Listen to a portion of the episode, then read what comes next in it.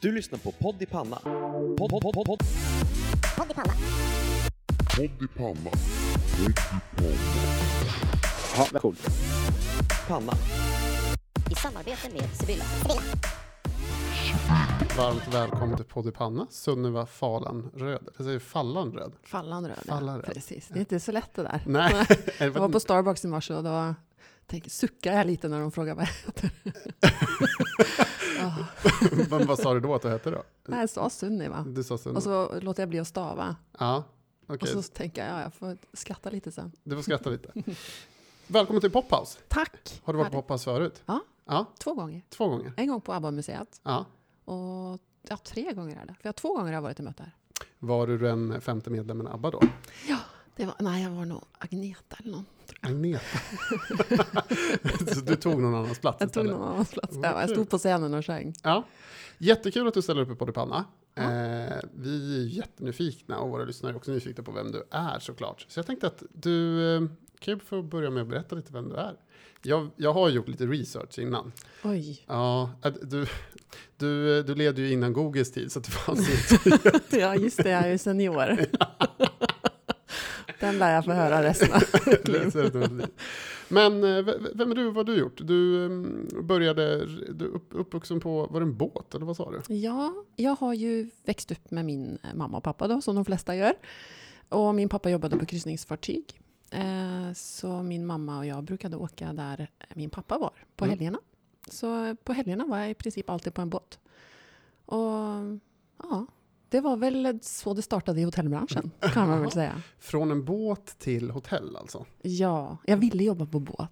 Men då sa min pappa att ehm, jag vet inte om jag kan säga det, får klippa bort det, men han sa i alla fall du får inte jobba på ett seglande horhus. Det Så det det då var. blev det ett, ehm, Hotell? ett hotell istället. Det kan man ju dra en annan parallell. Ja, Du- precis. Det behöver vi inte göra här. Nej. Men och, och då började du din karriär, för du är ju norsk. Ja. Men du säger att du känner dig mer och mer svensk varje dag i norsk kropp, eller hur? Eller det? Ja, jag försökte, eller jag hade en tanke på att jag skulle byta pass för tio år sedan Mm, och få ett svenskt pass, för då skulle jag få EU-pass. mm. Så berättade jag det för min mamma och då gick det ganska fort upp för mig att det skulle inte vara så väldigt smart. Nej, Nej, så då bytte jag inte pass. Nej, så du är Nej. fortfarande norsk? Jag är fortfarande norsk. Ja. Ehm, men jag har ju bott här väldigt länge, Mm, sedan 96. mm. Så jag, när jag är i Norge så kä- känner jag att jag får lite så här, klia lite på kroppen när jag märker hur de jobbar. så jag vet inte helt om jag skulle klara av det längre. Nej. Men eh, jag är väldigt norsk i, Du är i väl själen. i själen? Ja. Så du är så mycket ut på tur och aldrig sur? eller? Ja, lite så. Ja. Lite så här väder efter kläder, Mm. eller kläder efter väder. Ja. Det var väl det. Ja. Men, men vart, vart började du din, eh, din, din hotellbana eller restaurangbana? För du är mer hotellsida va? Eller är du mer restaurangsida skulle du säga? Mm, svårt. Jag har nog halkat mer och mer in på hotell tror jag. Okej. Ehm, men jag har väldigt mycket båda Mm. ehm, i perioder. Mm. Jag eh, gick hotellskola i Schweiz. Ja. Där får man ju med sig båda eh, väldigt mycket. Man Mm. får ju i princip köks, kökskniven vid halsen om man inte gör rätt. Det är ju väldigt strängt och väldigt strikt och Ja. väldigt kul. Ja. Ehm, men eh, så kom jag till Stockholm, eh, skulle vara här på semester i tre Ja. veckor. Ja. Och, sen, Och hur eh, gammal var du då? Oj, 20, 23 23? eller Mm. någonting sånt. Ja. jag. Då hade du jobbat lite, lite lite, mer. hotell och restaurang 25. innan i Norge då kanske? Ja, jag, Ja. Jobbat, jag jobbade på eh, dåvarande Reso. Okej. Ett femstjärnigt hotell i...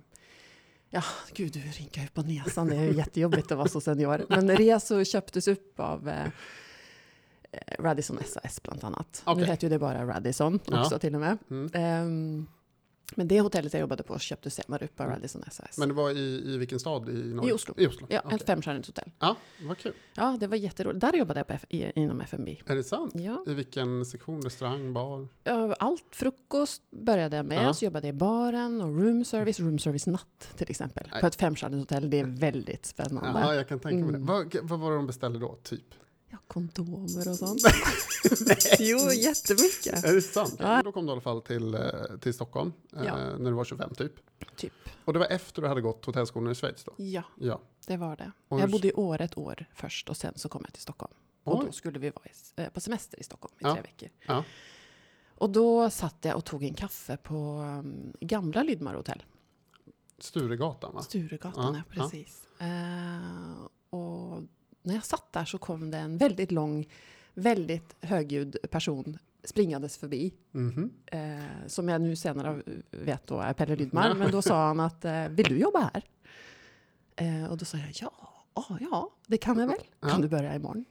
Ja, det kan jag, sa jag. Mm. Och dagen efter stod jag i receptionen där. Är det sant? Och nu är det ju några år senare. Ja. Så jag flyttade ju aldrig, Nej. eller åkte aldrig tillbaka. Men, men du gjorde väl någon typ av karriär på Lydmar ändå? För du började i repan. Men sen, Mm. sen jobbade du i någon chefsposition också eller? Ja, jag började i receptionen och Mm. sen så fick jag en fråga om jag ville komma till Provobis, Mm. som heller inte finns idag. Nej. Nej, jobbet där. Det blir bara jobbigare och jobbigare. Men eh, det är i alla fall Scandic idag. Ja. Men då fick jag en förfrågan om jag ville bli receptionschef Ja.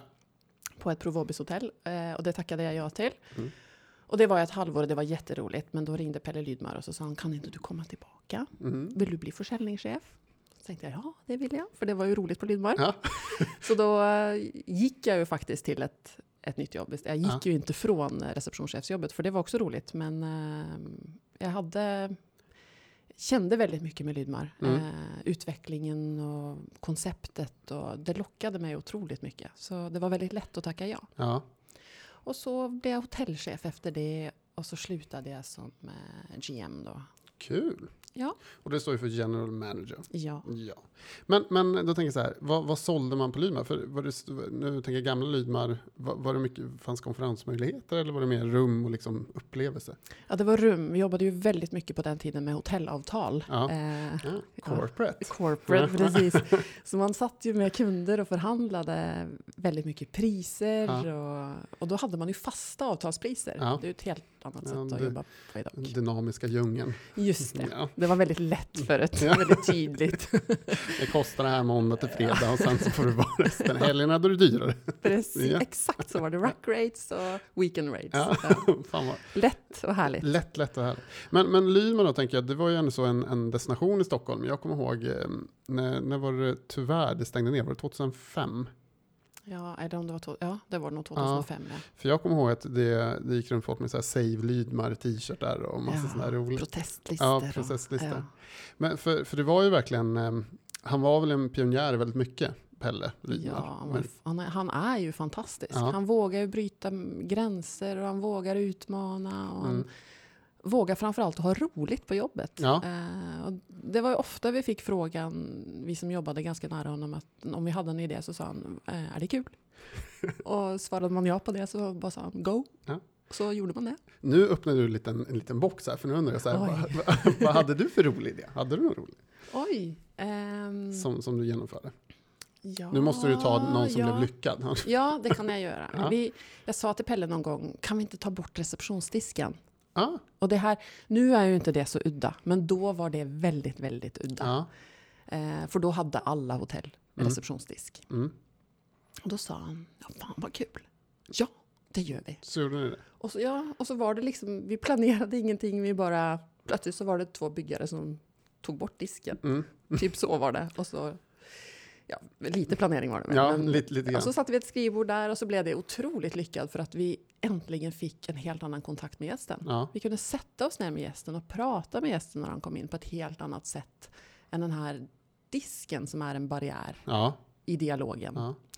Så det, det var väl någon idé som jag kom, kom på sådär. Men sen så var det ju ett virrvarr av att sälja in idéer till Pelle som man trodde var sina egna och du vet, ja, sånt där. Men det var, det var ju framför, framför allt han som Ja. var Ja, kreatören. ja. Mm. För det- är lite kul, jag har ju lite andra känningar som har jobbat på Lydmar.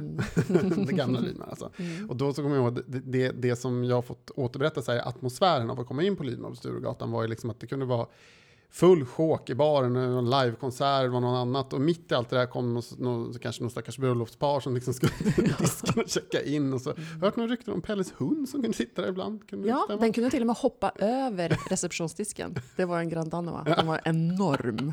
Plötsligt så var det en hund på insidan. Eller utsidan. Ja. och hur, ja. Men fan vad häftigt, vilket stojhus. Ja, fantastiskt. Sku- om, om du skulle så här, um, om, om vi lämnar Lydman lite, skulle, skulle du känna att, att det fanns någonting som, eh, som är liknande idag i Stockholm? Hotellmässigt?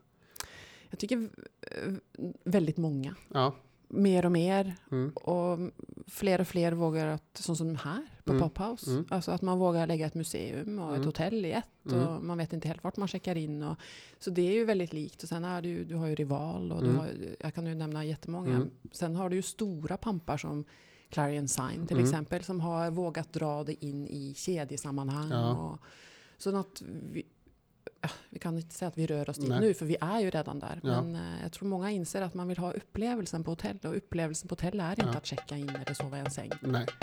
Men, men du, du är även engagerad i, i andra frågor. Du eh, jobbar med eh, utbildningsfrågor va? i branschen. Ja, inte lika mycket längre. Men när jag, när jag satt i styrelsen för Visita Stockholm så var jag väldigt engagerad i, i utbildningsfrågor. Och jag fortsatte även sen och är fortfarande med i utbildningsrådet för hotell och restaurangbranschen. Så det ligger mig otroligt varmt om hjärtat. Eh, nu är det väldigt många som har tagit över de frågorna som jag jobbade väldigt mycket med. Som till exempel att få in fler studenter att välja våra hotelllinjer eller restauranglinjer. Eller bara utbilda sig till sommelier. Alltså vad som helst, bara utbilda fler människor i vår bransch. Mm.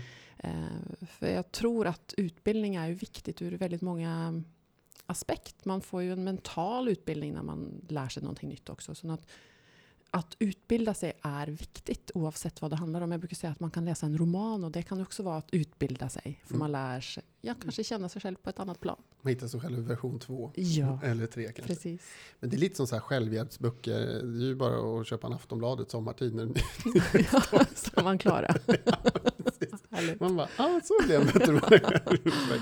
Ja. Men, men, men, men utbildning generellt i branschen är någonting som, som jag också brinner väldigt mycket för också.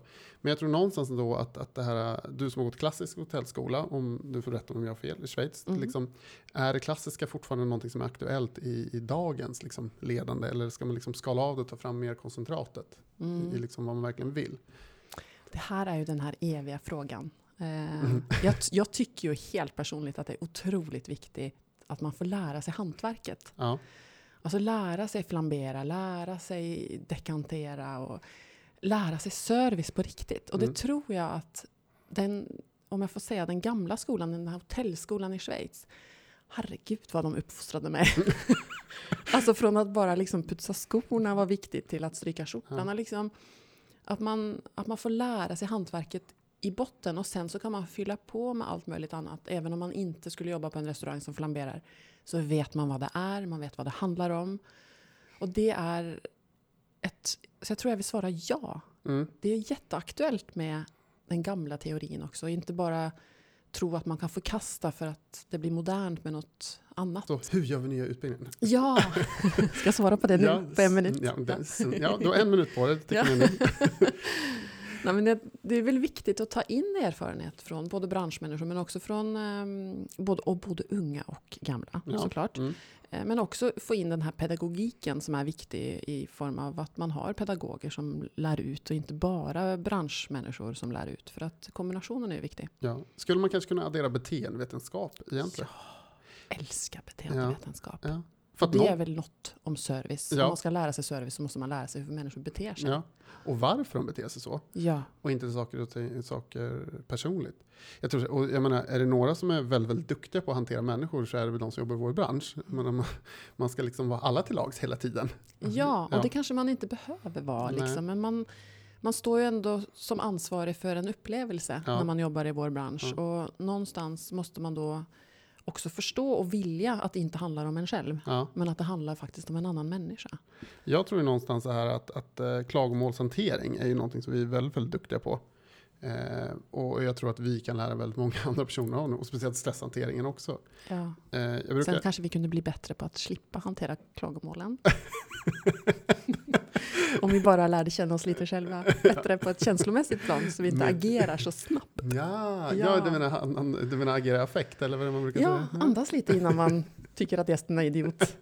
Alltså för, förlåt, men Ja, men det pang på, det är ju ja, så. det Man är sit- lite så. För man, bara för att man själv liksom har själva branschveten, eh, liksom, branschkunskapen sitter man ju på andra sidan tycker, men herregud, vad, vad är det ni inte förstår? Ja, Det precis. stod ju det här i avbokningsreglerna. Ja, precis. Läste du inte Jag det? läste inte.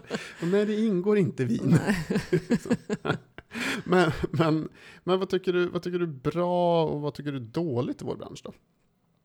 Om, och nu, nu pratar jag nuläge, alltså, som, som finns idag. Ja, men jag tycker nog att eh, det mesta är väldigt bra. Mm. Otrolig passion i vår bransch. Alltså, Mm. Det är väldigt sällan att personer slutar i vår bransch och de inte kommer tillbaka. Nej. Det är väldigt sällan att de byter bransch helt och hållet. Nej. De kommer alltid tillbaka för Ja. det är så otroligt roligt Ja. och det är så härligt. Och, så det är en fantastisk bransch att jobba i som är lite, nästan lite beroendeframkallande. Eh, sen kan jag tycka att nu, nu var jag precis i Japan Mm. i åtta dagar. Mm. Och när, det första jag säger när jag kommer till Helsinki flygplats är bara, här kan man inte bo. För det första som händer är att någon går in igen. Och då har vi ändå varit i Tokyo i flera dagar. Och Ja. man, det är inte en enda person som går in igen. I Tokyo? Nej, ingen. Det är liksom, Fast det är så mycket folk? fast det är så mycket folk. Det är liksom sån respekt och det är en sån ödmjukhet inför allt. Och det är, servicen är 100% genuin. Och när man då kommer hem och tänker så här, åh, gud, de bugar ju till och med i Japan. kan vi inte bli lite bättre på att ta hand om människor och Ja. Ge service på riktigt? ja. Alltså vilja ge det. För jag tror att det är som är skillnaden Mm. vi har många i vår bransch som kanske inte är helt den här jag brukar inte slänga mig så mycket med engelska uttryck, men jag älskar liksom den här get over yourself. Ja. Alltså släpp taget lite om dig själv Ja. och ge lite av dig till någon annan. Mm. Och att det inte alltid handlar om oss själva alltid. Nej. Eh, det kan jag sakna lite och som jag kanske märkte i Japan att där är man väldigt fokuserad på andra istället för att fokusera på vad man själv behöver eller vill eller ska ha. Eller... Ja. Kan det finnas någon koppling till att man tänker sig att man är väldigt ehm, styrd av dricks? Om man tänker då servisyrket. Det känns som att, att om, man tittar så här generellt på och, och, och försöka få personal. Eh, jag menar jag sitter på Djurgården nu och vi letar. Vi har fyra heltidstjänster tror jag. Mm. Och det är så här, det är ingen som söker. Man bara, här har det är ett här har, coolt produkt. Ja. Mm. det är en bra, det är en bra produkt. Det, här har du ett heltidsjobb och det är oftast trygghet som folk vill ha. Liksom. Men då tar de kanske istället en, en, extra, en extra anställning, vilket inte är fel med det heller. Men på ett mer creddigare ställe inne i stan för att då har du dricksen som väger upp istället. Mm. Så att, men jag vet tusan nu med nya dricksreglerna heller hur det där kommer suddas ut i längden också. Jag vet, alltså, sen så är det ju det, det är ju en del av branschen som får dricks. Den Ja. andra delen, eller de andra tre delarna om man räknar möten och spa Ja, och allt. ja, Så eh, de får ju ingen dricks. nej, Ehm, Men det är ju klart att, jag, jag kommer ju själv ihåg från Stureplanstiden att eh, det kunde ju vara en månadslön ibland på en vecka. Liksom. Alltså det är ju helt sjuka pengar. Eh, nu är det så länge sedan jag var ute så jag har ingen aning om det eller fortfarande. Men, men, ehm, Du kanske inte är en sån som dricksar heller. Nej, precis. jo, för jag är riktigt bra service. Du är riktigt Jag är våra bra. värsta gäster. Precis, Ja. de mest krävande. Ja. Men, men äh, det, man får se liksom hur, hur man lockar fler till det. Men någonstans så, så hoppas jag att den här trenden vänder. Eller den kanske pekar lite på att vända. Jag vet inte. ja, jag hoppas det. Vi, vi, jag jobbar ute på Yasuragi. Det är ju svårt också att få... Man måste ju locka med någonting. Ja. Även om varumärket, som precis som Pophouse, är ett Ja. starkt varumärke. Ja. Så är det ju svårt för att det är långa resvägar och det är inte mitt inne i stan. Och det är liksom, det är allt, allt, alla de där bitarna. Men man får ju satsa på ett bra arbetsmiljö till exempel. Och ja, de bitarna att man får vidareutvecklas och att man får ha schyssta chefer framför allt. Mm. Som kan utveckla en. Det är väl en USP om något. Skulle du säga att du är en schysst chef? Ja, det skulle jag nog Ja, det säga att jag är en schysst chef. jag är framförallt en omtänksam chef kan det jag var- tycka. Ja, det Ja. var alla Sunnivas medarbetare. Ja, ja. Eh, men men, men vad, vad tror du då om chefskap och, och ledarskap framför allt? Vad, manligt, kvinnligt? Vad tror Oj. du det är skillnad på? Eller tror du att det liksom håller på att slätas ut? Liksom, att det blir mer lika i, i sättet att leda, tänker jag nu. Ja, ja, men det är ju det här klassiska att eh, mannen är liksom mer rakt på sak Mm. eh, och kvinnan är mer omhändertagande. Och det är väl, ja det mixas väl Mm. nu Mm. misstänker jag. Men jag tycker vi mindre och mindre pratar om manligt och kvinnligt med- ledarskap. Ja. Och det tycker jag är väldigt skönt. Att vi liksom får, jag tycker det är fler män som, i alla fall i min närhet, Mm. får liksom visa känslor och att det är okej och att man kan bli arg och att man kan bli ledsen. Och, att man är mer omhändertagande med sin personal. Ja. Eh, och sen så ser man kvinnor som är väldigt eh, tydliga, om man ska kalla det manligt. Då. Ja. Det är många som blir pro- provocerade säkert bara att jag säger det här. Men jag blir ju lite provocerad mig själv lite också känner jag. Okej, ja. Ehm, men det är ju det klassiska liksom. Och, och jag, tänker ju mycket på att det är ju inte så viktigt vad som är kvinnligt och manligt. Det är ju snarare viktigt hur vi värderar det. ja. Ja. Åh, åh, där fick Åh, du till. där öppnade jag en boka. Nu har du en bok du kan skriva.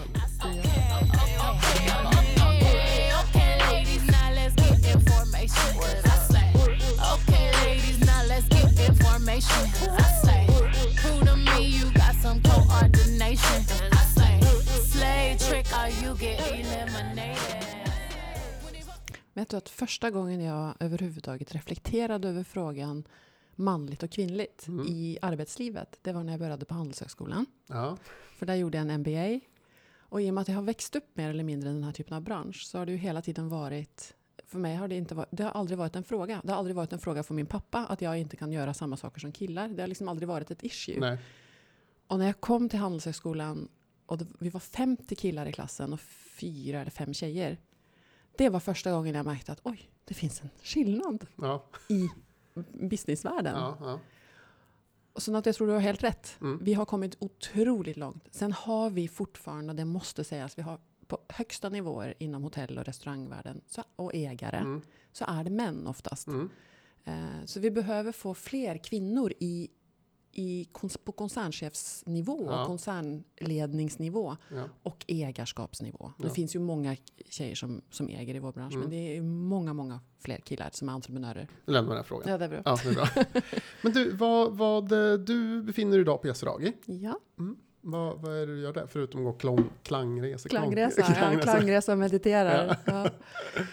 Eh, vad jag gör där, Ja. ja. ja, vad jag Hur- jobbar som eller vad ja. jag gör på dagarna. Ja. Ja, men både och, eller en definitionsfråga kanske? det är kanske är definitionsfrågan. Jag brukar ju leva mig in i jobba, jobben. jag är ansvarig där eh, Ja.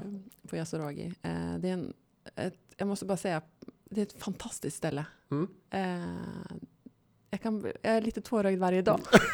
Jag, är lite, jag är lite blödig. Men, Är du blödig? ja, lite grann. Sant. Ja. Eh, Men jag är ansvarig för produkten där ute. Mm.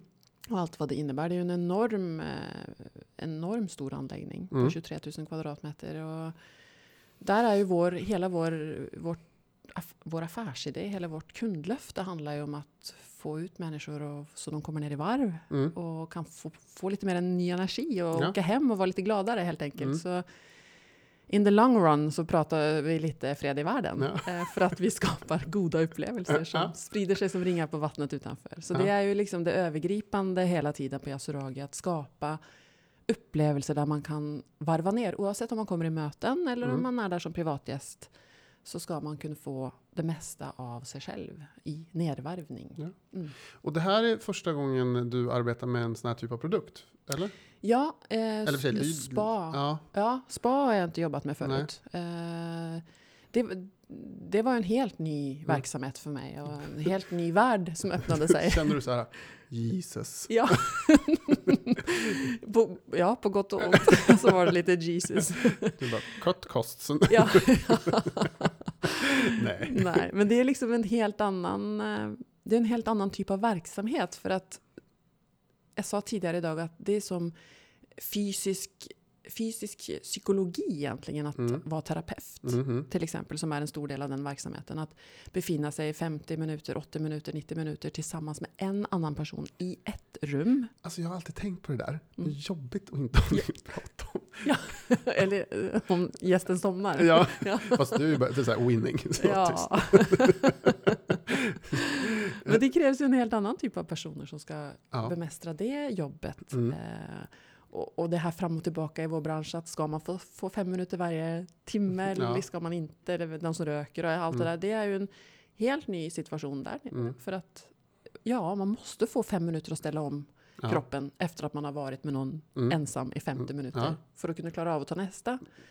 Så att det är väldigt annorlunda frågor kan jag tycka i Ja. Spavärlden. Mm. Men, men jag tycker så här, generellt sett spavärlden, jag menar, man vet ju själv så här när, man, när de kommer bara, Åh, kan du massera mina axlar? Du vet, man orkar ju typ tre minuter. Man bara, "Åh, nej, nu orkar jag inte mer. Ja. Tänk er de som liksom står där. Jag förstår grejen då med att de måste få andas efter, de måste stå till 50 minuter. Alltså, så här, Ja. Ja, och men när man pratar med massageterapeuter till exempel, Ja.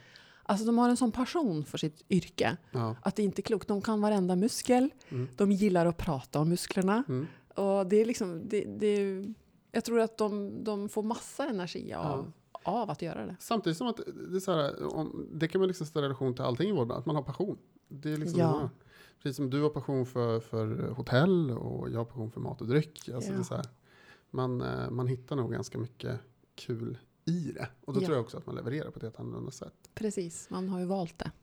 Men, men innan Yasuragi då? Du, vi, Lydman, sen hoppade vi. Det var, Lydman stängde 2005. Ja, Du bara, nej jag det var inte gjort länge sedan. Jag var ju inte med till stängningen heller. Nej, okej. Nej, inte ens det var jag. Nej. Vad tog du vägen innan stängningen? Då eh, gick jag till den andra ytterligare, ytterligheten. Scandic. Eh, och då började jag som operations eh, manager på Scandic Infracity. Som Okej. var en, och en maskin utan dess like. Vi Jaha. hade kunnat ha 2000 lunchgäster. Mm. Ehm, det var jätteroligt. Ehm, kom, då kom jag alltså från en, ett kreativt, fantastiskt kaos, Mm. där vi inte ens hade budget, Mm. till att varenda lilla femöring var budgeterad och man fick veta vad man skulle säga när man checkade in och man hade uniform och det Mm. Ja. var en helt annan värld. Ja. Ehm, Men är inte det ett häftigt ändå hur du liksom kunde sätta två olika typer av, av lärdomar liksom bredvid varandra? Så att du hade det kreativa och nu så fick du lära dig ekonomin och det tråkiga. ja, ska dra det hela. jag tror de tyckte att jag var lite rolig på Scandic Infracity när jag kom och bara, nej men vi gör om. Ja men måste vi inte fråga? Nej, det Ja, behöver vi inte. kör bara, kör. Ja, vi bara kör. Men och efter Scandic så gick du till, eh, var det Rika då eller? Ja, Ja. då var jag med och öppnade Rika Talkhotel som Ja. nu är Scandic Talk Ja. ute vid Just det, Stockholmsmässan. Scandic köpte Rika. Scandic köpte Rika Mm. precis i 2014 Ja. tror jag det var. Ja. Mm. Eh, och då var jag med och byggde upp det. Det var fantastiskt roligt att få vara med om att få öppna ett helt nytt hotell. Ja, en så kallad pre-opening fas kallar man det för. Ja, Ja. precis. Så det var otroligt roligt. När vi stod på öppningsdagen så var det någon servitör från ett bemanningsföretag som drog mig i armen. Och så, jag tror vi hade, ja, det skulle komma 300 gäster. Mm. Så frågade han, du, var är öppnarna? Alltså vinöppnarna. För jag tänkte så här, oj då. Det hade vi glömt att köpa. Raceade Systembolag. Ja, du vet, var, jag vet inte hur vi löste det. Det var väldigt många taxibilar. Men det löste sig. Ja. Men det var en sån... Mm, jag kommer aldrig glömma att köpa öppnare igen. Det är i alla fall nej, säkert. Nej. Mm. Men, och, och då det så här, lite roliga minnen alltså. Du glömde öppnare, glömde köpa, är det något mer så här, roliga missar du har gjort? Under, nu tänker jag under hela din arbetskarriär. Där du känner så här, Oj, ja det är väl ett hav av missar. roliga missar kan man. Roliga missar, ja. Um, oh, nu, kom, nu när du frågar så kommer jag inte på någonting. Nej. Men ehm, jag eh, har en rolig incident från Oslo, Mm. från det här femstjärniga hotellet. Var att jag serverade Pavarotti i hans eh, hotellrum. Ja. En, han skulle bara ha... Han är ju död, så det är okej att jag berättar det här nu. han skulle bara ha hermetiserad frukt. Och Okej. burken skulle vara oöppnad för att jag tror att han var väldigt rädd för att bli förgiftad. Okej. Så jag kom upp där med den här oöppnade eh, burken. Mm. Eh, han skulle öppna den själv och så hade han ju såklart ingen cash för han hade ju säkert tio personer som var runt på all cash och han Ja. var helt ensam i sviten. Ja. Så då sjöng han för mig som dricks. Och det Oj. tänkte jag, det här måste ju vara speciellt. Ja, Ja, det var ingen miss med den roliga historia. det är en rolig historia. Ja. Vi stänger av sen ska du få höra en annan. Ja, nu är det Ja. Ehm, nej, men jag, jag känner så här, jättekul att, ha haft dig här. Eh, tiden går fort när man är roligt, otroligt. tänker jag. Men jag känner så här, sömnen var fallande röd, har jag fått en bättre bild? Ja, det tror jag nog. Det Var det möjligt? ja, var det möjligt. Ehm, men ja, vi är väldigt måna om här på Panna att man ska lämna något roligt tips. Oj. Så jag tänker så här att du ska få lämna tre tips till karriär Mhm, och tre don'ts. Okej. Mm. Ett väldigt bra tips som jag har, som jag redan har sagt är get over yourself om du ska vara chef. Ja. För att den dagen som du väljer att bli chef, då slutar det handla om dig. Och så börjar det handla om alla andra. Och det kan vara bra att ha med sig. Mm. Eh, om man vill utveckla andra och, och ja, vara en bra chef. Sen så är ju inte det ett karriärstips, men det kan ju vara bidrar till att man får ett bra, en bra karriär. Och det är att verkligen säga till någon varje dag att man älskar dem. Mm. För att man mår bra av det. Och mår man bra så gör man oftast ett bättre jobb. Och sen var nyfiken. Mm. Ställ frågor. Tro inte att man kan allt. Ställ frågor och var nyfiken. Och var speciellt på andras åsikter. Ja. Eh, lyssna för att förstå. Och inte för att tänka ut vad jag ska säga nästa gång. Mm. Till exempel. Det kan vara bra saker att få med sig. Eller ha med sig. Jag glömmer det ibland. Ja. Eller ofta. Men jag, jag brukar tänka på det i alla fall. Ja. Och don'ts, då har jag sagt alla don'ts också, eller hur? Ja. Jag tror du fick med allting. Jag fick med allting Ja. på en, ja. Men, men skulle, är det någon, ehm, lär du dig, skulle du säga att du fortfarande lär dina medarbetare varje dag? Mer och mer och mer nästan för varje dag som går. Ja. Jag tror med handen på hjärtat att jag inte har utvecklats så mycket som jag har gjort under Yasuragi. Jag har nog inte utvecklats i något jobb förut. Kul. För jag har fått så otroligt mycket av de som jobbar med mig. Ja. Så Häftigt. väldigt kul. Och en klangresa. Och en klangresa. Tack så jättemycket Sunniva. Tusen tack Sebastian. Tack. Du lyssnar på Podd i panna, som är en podd för besöksnäringen som drivs av Sebbe, Micke och Gustav i samarbete med Sibylla. Ha det gott!